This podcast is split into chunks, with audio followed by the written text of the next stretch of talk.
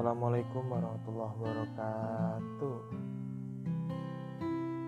Halo semuanya, selamat datang lagi di podcast SKI FIBWNS Yaitu podcast yang membahas tentang dakwah islami secara online Dan juga eh, menyenangkan. Oke, ya, jadi eh, di episode kemarin kita sudah membahas tentang uh, mengulik tentang positif thinking kepada Allah. Nah, episode kali ini giliran kita bahas uh, apa tuh? Apa tuh yang mau dibahas tuh? Ya, kita akan bahas satu obrolan bahasan yang sedang ramai ya di akhir-akhir ini yaitu adalah tentang ketika Rasul dihina akankah kita diam saja itu tentang ini ya isu yang sedang hangat sekarang yang terjadi di beberapa negara di Eropa yang terfokus di Prancis. Nah, teman-teman udah gak sabar nih pengen dengar kan? Nah, makanya itu kita check this out. Tapi uh, sebelum kita mulai, aku pengen sedikit memperkenalkan diri. Mungkin uh, jadi podcast ini apa namanya podcasternya ganti-ganti ya. Setiap episode mungkin kalian nyadar kalau ada perubahan berbeda-beda suara setiap episodenya. Ya karena emang uh, podcasternya ganti-ganti. Jadi aku mau kenalin lagi nama aku. Yang sekarang lagi ngomong ini di dari Nur Maulana dari Ilmu Sejarah 2019 Fakultas Ilmu Budaya Universitas 11 Maret jadi aku ini pernah jadi podcaster di episode ke-1 yang bahas tentang uh, apa itu namanya tentang tata cara berdakwah ya dan pentingnya dakwah. Jadi aku di SK ini ya bidang dakwah. Oke cukup intronya mungkin mungkin kita perkenalannya cukup. Lanjut aja nih ya. Uh, kalian pasti tahu lah berita yang sedang ramai akhir-akhir ini ya banyak banget yang ngomongin tentang ini. Salah satu isu yang sedang bergulir di kancah internasional dan bahkan merambah ke apa ya itu adanya sebuah boikotan di beberapa negara itu udah mulai uh, melakukan boykot boykot nah jadi bener banget ini itu semua tentang yang terjadi di Prancis jadi di podcast kali ini kita akan ngebahas tentang itu karena ini adalah salah satu bahasan yang kemarin sempat uh, kita angkat sebagai apa eh, SKI pernah mengangkat ini pada sebuah forum yang bernama Ranting yaitu adalah obrolan penting uh, bersama waktu itu pembicaranya yang uh, membawakan tentang ini adalah Ustadz Umir Khas. Ya itu dengan tema yang sama itu ketika Rasul Dina akankah kita diam saja? Nah persoalan yang memantik kerusuhan ini dimulai dari sebuah pembuatan publikasi atau pembuatan apa ya karikatur ya yaitu eh, apa namanya membayangkan wajah Rasulullah saja atau mengandai-andaikan wajah Rasulullah saja atau ya semacam itu itu aja sebenarnya adalah perbuatan dosa. Tapi ini sampai dibikin karikatur dan bahkan ini yang bikin itu bukan orang Islam dan nggak tahu dia mungkin mereka-mereka atau apa dia dapat dari itu kan. Ada di hadis beberapa hadis yang menyebutkan ciri Rasulullah tapi baik lagi ini suatu hal yang nggak patut untuk ditiru ya. Nggak patut untuk di kita kita apa namanya? Nggak patut untuk kita apresiasi lah karya seperti ini Nah, jadi sebenarnya apa sih e, masalah awal atau akar persoalan dari semua ini? Nah, jadi kalau kita tarik mundur ke belakang, bahwasannya Perancis itu adalah negara yang menganut paham sekularisme. Apa itu sekularisme? Sekularisme merupakan suatu paham yang membawa agama keluar dari ruang publik. Jadi memisahkan antara agama dengan uh, pemerintahan gitu apa uh, namanya suatu hal yang umum gitu. Terus dan paham ini paham sekularisme ini udah ada itu sejak uh, era revolusi Prancis malah. Kalau menurut satu merhas itu sudah beberapa sumber beberapa sumber itu udah ada sejak revolusi Prancis pada tahun 1789 sampai 1799 kebebasan berpendapat kebebasan berekspresi yang diberlakukan oleh Macron uh, bukan Macron sih ya sebenarnya. Mungkin dari dulu sebenarnya udah mulai dari awal kan tadi kan udah dibahas ya dari mulai revolusi Prancis. Ya sekulerisme ini hmm, apa ya dia tuh bener-bener namanya agama itu ya urusannya sendiri uh, kehidupan pemerintahan ya urusannya sendiri juga jadinya apa ya penghinaan terhadap agama ya di Perancis itu. Dari yang kita dapat dari satu merhas itu beliau uh, membaca dari beberapa sumber bahwasannya di Perancis itu emang mengutuk agama atau mungkin agama itu emang udah jadi hal yang gimana ya, biasa gitu. Bukan biasa ya mungkin udah jadi habit mungkin ya, ada berapa mungkin yang sering melakukannya tapi itu bukan cuma berlaku ke Islam doang masalahnya gitu. Jadi mengutuk atau menghina agama ini pun mereka oh, hampir semua agama begini. Ya hampir semua agama. Semua agama. Mau Islam mau itu Islam mau itu Kristen atau mau itu agama-agama lain yang di, ada di sana yang dianut itu ini ya nggak dihargai lah istilahnya kalau kita ngomong ya. Dan ini termasuk salah satu paham dari sekularisme menghina simbol-simbol agama itu diperbolehkan di sana. Sedangkan menghina uh, misalkan simbol-simbol negara mereka seperti bendera atau landmark mereka itu Eiffel atau apa pun itu itu dianggap suatu kejahatan besar dan hukumannya sangat berat. Bahkan yaitu suatu hal yang berbanding terbalik dengan apa yang kita rasakan di daerah kita ya bahwasanya kalau menghina agama itu bahkan sampai dicaci maki dicecar di mana-mana di sosial media kan. Terjadi beberapa belakangan ini sering banget banyak yang menghina-hina uh, ya menghina agama kita lah. Dan itu tuh kepercayaan kepada suatu agama itu dianggapnya sebagai hal yang memecah belah mereka. Jadi mereka tuh makanya ada yang paham terorisme ini ya karena itu. Mereka menganggap bahwasannya uh, memeluk satu agama atau apa pun itu itu bisa memecah mereka gitu. Nah Undang-Undang Sekulerisme ini ditetapkan pada tahun 1905 yang di dalamnya tidak ada pelanggaran untuk penggunaan terhadap simbol-simbol agama. Di sini ya kita ada lihat ya bahwasannya uh, parah banget ya ininya apa namanya diskriminasi terhadap agama itu parah banget di sana. Nah saat ini uh, apa yang sedang terjadi kemarin ya itu yang tentang uh, apa namanya penghinaan terhadap Nabi itu dimulai dari seorang yang bernama Samuel Pati. Samuel Pati itu siapa dah? Yaitu adalah seorang guru dari salah satu sekolah di Prancis. Ya, dia itu guru seni, guru kesenian di Prancis. Dan ketika ia memberikan pelajaran, ketika kelas dia, istilahnya gitu, dia itu menampilkan majalah yang kontroversi yaitu majalah yang ini udah hampir pernah disebar di seluruh Eropa namun akhirnya nggak nggak nggak ini apa namanya nggak laku ternyata karena apa entahlah. Kayak itu uh, udah qadarullah dan udah dibantu apa pertolongan Allah ya. Itu salah satunya nama majalah itu Charlie Hebdo. Charlie Hebdo ini di dalamnya itu ya itu ada karikatur wajah Nabi Muhammad SAW dan ini berbahaya banget. Samuel mempersilahkan murid yang tidak berkenan dengan majalah tersebut untuk kode kelas.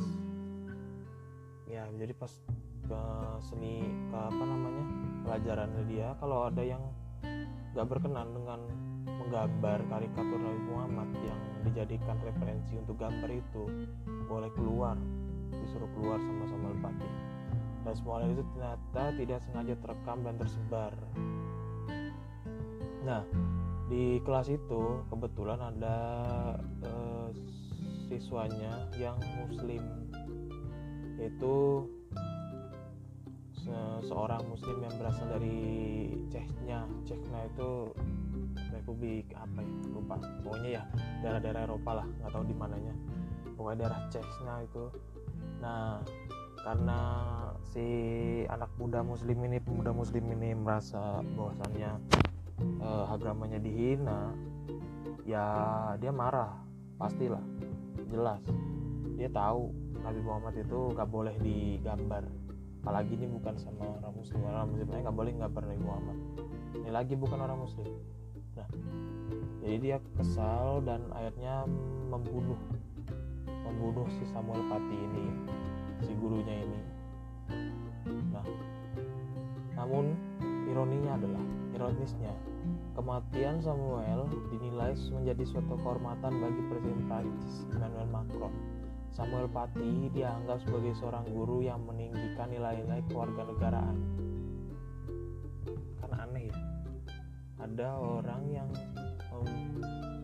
menghina suatu agama tapi dianggap para uh, dianggap tinggi dan dianggap apa namanya ya dianggapnya seperti seorang pahlawan.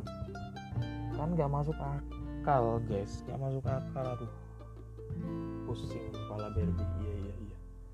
Itu makanya ini benar-benar parah jadi Prancis sekularismenya terlalu gimana ya? Aneh aja lah gitu.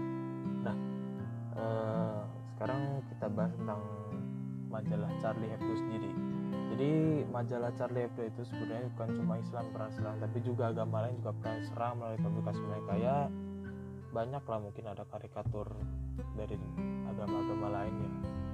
Nah guys pada tahun 2015 sebagian kelompok di Yaman berusaha memberantas kepemimpinan redaksi majalah Charlie Hebdo. Namun justru yang terjadi malah malah majalah tersebut semakin matang dengan membuat terjemahan dan menyebarkan seluruh dunia tadi kan kita udah bahas ya. Sana itu tuh ini Charlie Hebdo ini majalah ini sempat mau disebar. Udah disebar malah sampai ke luar negeri ya. Ya Eropa lah dari taran Eropa untuk jadi propaganda gitu ya. Luar biasa hebat ya usaha yang mereka lakukan untuk mengenal kita. Tapi atas kuasa Allah menjadi tersebut tidak laku tadi kan kita udah ngomong ya nggak laku. Uh, itu benar-benar cara Allah banget untuk uh, membela nah apa membela kita. Istilahnya melindungi kita dari hal-hal yang apa ya merusak agama kita nah pada tahun 2016 salah satu partai paling anti-Islam di Prancis dihadang oleh partai Macron. Karena Macron tidak setuju dengan kebijakan partai tersebut yang terlalu Islamofobia. Jadi waktu Macron mau dilantik jadi presiden yaitu uh, apa namanya ada melakukan perlawanan terhadap partai oposisi yang dianggapnya itu terlalu Islamofobia visi misinya atau apa ya? Pandangannya itu terlalu Islamofobia nah, Islamofobia apa dah tuh?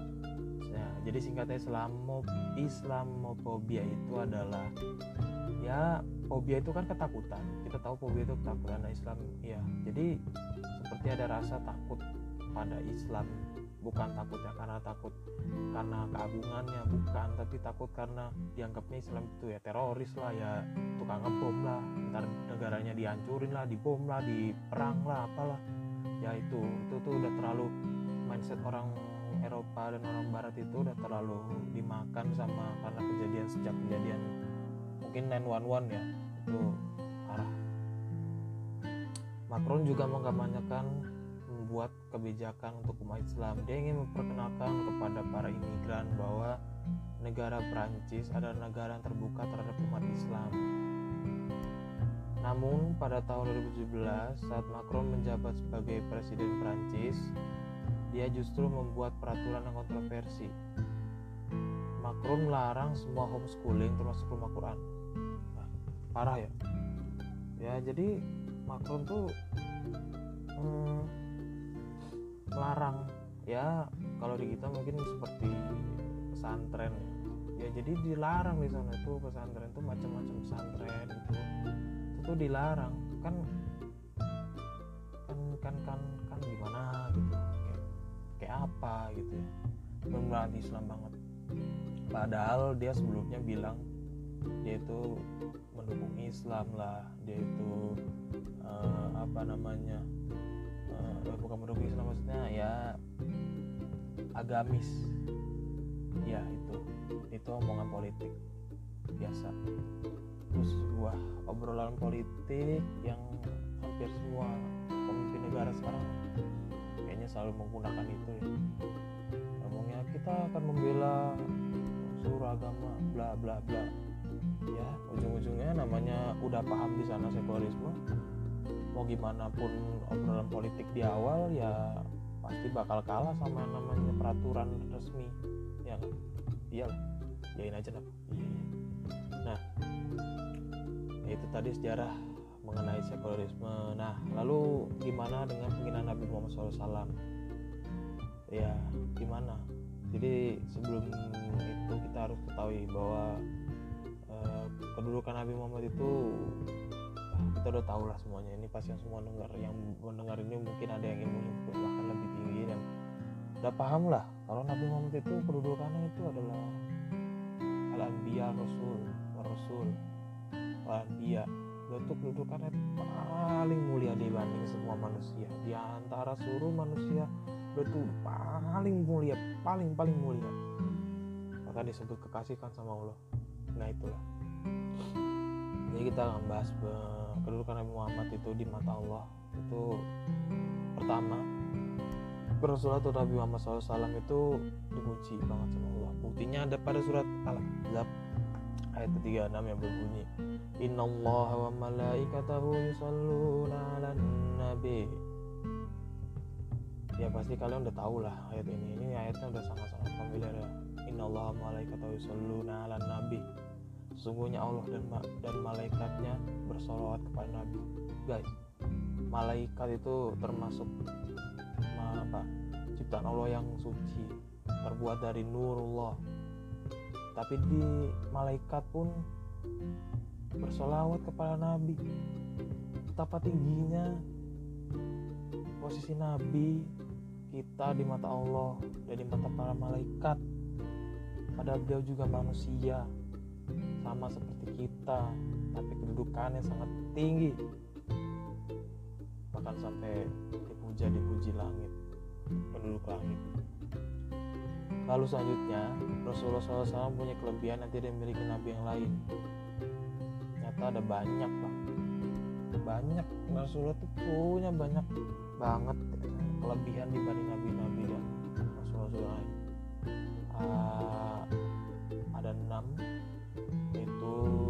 pertama diberi kekhasan dalam berbicara. Bicaranya Rasul itu simple tapi ngena maknanya luas mengena di hati. Ya berbobot lah bro Rasulullah apa omongan Rasulullah tuh berbobot dan bahkan bisa mengubah umat. Lalu selanjutnya ya, dimenang selalu dimenangkan sebelum bertemu musuh. Jadi waktu misal kalau Rasulullah mau berperang gitu ya itu tuh bahkan musuhnya mendengar nama Rasulullah aja udah udah kayak ih bergidik loh.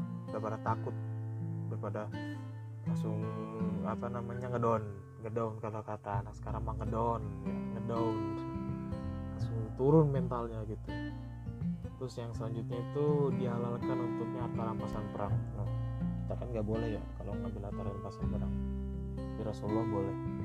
Itulah diistimewakan Rasulullah. Sama Allah. Alaihi Wasallam. Sallallahu Nabi. Lalu yang selanjutnya dijadikan masjid dan tempat suci untuk sholat. Ya iya. Itu salah satu keutamaan Rasulullah masjid dan tempat tempat itu tempat-tempat suci itu untuk tempat sholat. Lalu yang kelima diutus oleh Allah pada semua makhluk. Dan yang terakhir beliau adalah penutup para nabi. Tidak ada nabi setelahnya. Kalau ada itu namanya dusta. Kedustaan yang sangat-sangat jelas. Kedudukan Rasulullah yang ketiga tadi yang kedua ya kelebihan Nabi ya. Sekarang ketiga ya. Yang ketiga itu adalah uh, Allah memanggil nabi-nabi selain Nabi Muhammad SAW di dalam Quran langsung manggil nama nabinya. Contoh kalau manggil Nabi Zakaria Allah menyebut ya Zakaria atau manggil Nabi Musa ya Musa.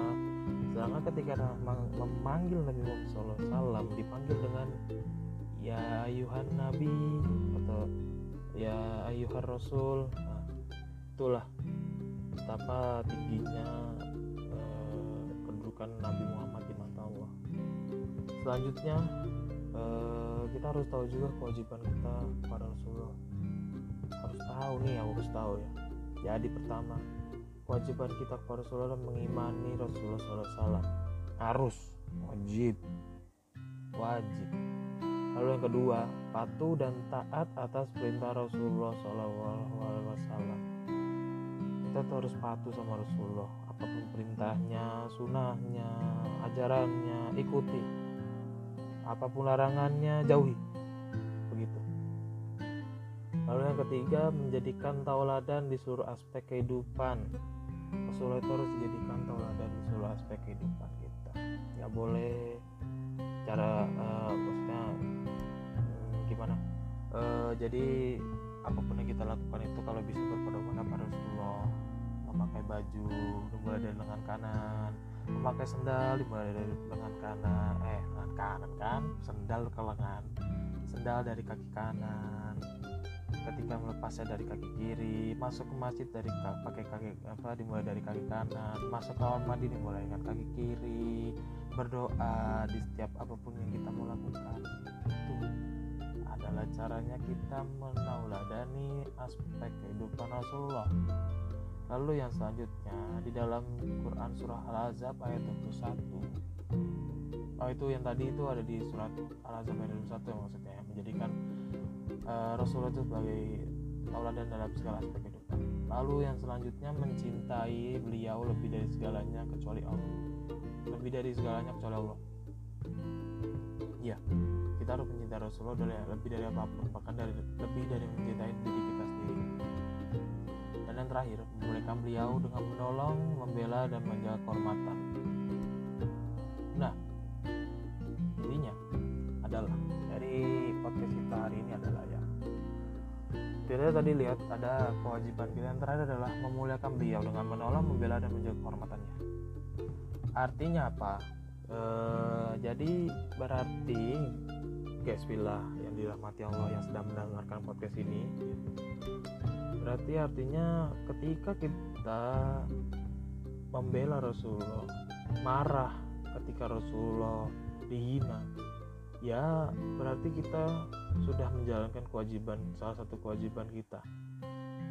Jangan sampai Rasulullah kita dihina Rasul kita dicaci maki bahkan nama oh dan mereka, dan mereka yang mencaci maki itu bahkan nggak tahu wujud Rasulullah seperti apa nggak tahu kedudukan Rasulullah seperti apa di dunia ini. Itu kita harus marah harus kesal. Kita nggak boleh diam aja. Ketika Nabi Gina itu kita nggak boleh diam. Itu termasuk suatu bentuk cinta kita kepada Nabi Muhammad. Karena membiarkan kemungkaran itu adalah selama-lamanya iman sedangkan saat ini kita masih punya fisik yang sehat di sana sangat mampu untuk menjaga kemungkaran. Maka jangan ambil opsi yang paling akhir ketika kita masih bisa bertindak. Bukti kita cinta kita pada Rasulullah akan diuji. Jangan sampai kita hmm, membela apa namanya kita harus hmm, memberitahukan kepada musuh-musuh kita musuh-musuh ya orang-orang yang istilahnya uh, melakukan diskriminasi kepada kita dan uh, ini menghina. Kita mulai dari yang kecil dulu. Kita mengingatkan dengan lisan. Kalau nggak mempan baru pakai perbuatan. Pakai hati dulu ya. Kalau udah nggak bisa baru pakai tangan. Maksudnya langsung pakai perbuatan. Itu karena bagaimanapun ya gini ibaratnya gini kalian kalau orang tua kalian dihina marah gak? pasti marah lah. Buset orang tua kita. Bukan apa maksudnya eh dah orang tua kita dihina. Ya kali kita nggak marah. Nggak mungkin banget. Nah ya kali Rasulullah yang bahkan kita pun disuruh untuk mencintainya lebih dari apa pun kecuali Allah dihina kita nggak marah wow banget kalau kita nggak bisa marah kayak gitu. Wow. Kalian dipertanyakan kemuslimannya keislaman kalian keimanan kalian dipertanyakan kalau kayak gitu. Bisa-bisanya Rasulullah dihina dan kita diam saja. Dan cara-cara yang sudah dilakukan yang ada itu seperti memboikot barang. Uh, ya nggak maksudnya nggak pakai barang-barang yang berasal dari Prancis itu salah satu cara kita yang kita bisa uh, apa namanya bisa kita gunakan untuk membela Rasulullah. Itu udah cara yang terkecil lah istilahnya sederhana paling sederhana tuh ya gitu caranya. Cara paling sederhana banget itu kalau kita nggak memakai produk-produk orang yang menghina Rasulullah tuh udah sederhana banget caranya. Ya jadi mungkin podcast kita hari ini podcast pada kesempatan kali ini cukup sampai sekian aja. Mohon maaf kalau tadi ada kata-kata yang mungkin apa namanya agak agak nggak jelas atau mungkin kalian kayak apa namanya nggak apa sih ya gitulah. Wah kayak nggak ada sensenya. Maaf mohon maaf. Karena kesalahan datangnya dari saya pribadi sebagai podcaster dan kebenaran dan kemuliaan datangnya hanya milik Allah Subhanahu wa taala. Jadi terakhir aku mau berpesan ke kalian semua bahwasannya jangan lupa berbanyak zikir, berbanyak berdoa, berbanyak sholawat kepada Rasulullah. Ya, jangan sampai kejadian lagi Rasul kita dihina Rasul yang kita sayang kita cintai kita muliakan dihina dihina sama orang yang bahkan nggak tahu seperti apa keteladanan Rasulullah SAW ya mungkin cukup sekian aja ya podcast hari ini. Terima kasih yang sudah mendengarkan selama dua, kurang lebih 30 menit ini. Dan terakhir mengucap uh, ada sedikit quotes yang akan saya bacakan yaitu adalah sesungguhnya bersama kesulitan ada kemudahan. Innamal yusri yus innamal usri yusra. Sukron kita bertemu lagi di podcast selanjutnya di episode podcast daun selanjutnya. Akhirul kalam wassalamualaikum warahmatullahi wabarakatuh